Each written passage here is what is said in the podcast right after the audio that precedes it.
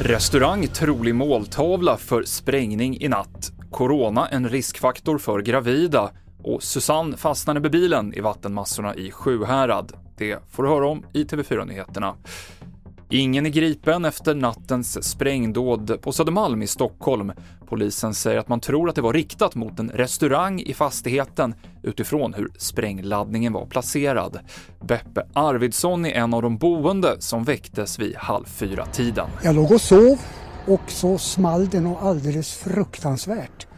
Och i samma ögonblick så kom balkongfönstret inrasande och det var en meter från våran säng. Så det var ju väldigt nära att vi hade fått allt glassplitter över oss. Mer om sprängdåden i Stockholm på tv4.se. Statsminister Ulf Kristersson vill att frysta ryska tillgångar i väst ska användas för återuppbyggnaden av Ukraina när kriget är över. Det sa han i ett tal i Europaparlamentet i Strasbourg idag. Kristersson jämförde det med Marshallplanen efter andra världskriget när Europa låg i ruiner. Att smittas av coronaviruset under graviditeten innebär flera större risker för både kvinnan och barnet, visar en ny omfattande studie som publicerats i den brittiska medicintidskriften BMJ. Riskerna för att bli allvarligt sjuk, att behöva intensivvård och att föda för tidigt ökar.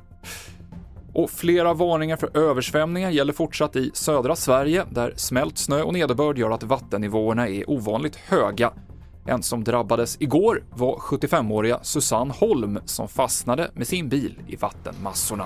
Jag var på väg in till Svenljunga på vattengympa, ironiskt nog. Och så, så var vägen full med vatten. Bilen bara flöt iväg.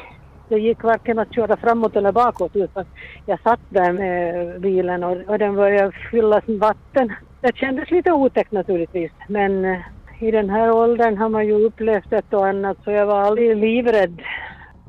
Det sa Susanne Holm och det avslutar TV4-nyheterna med Mikael Klintevall.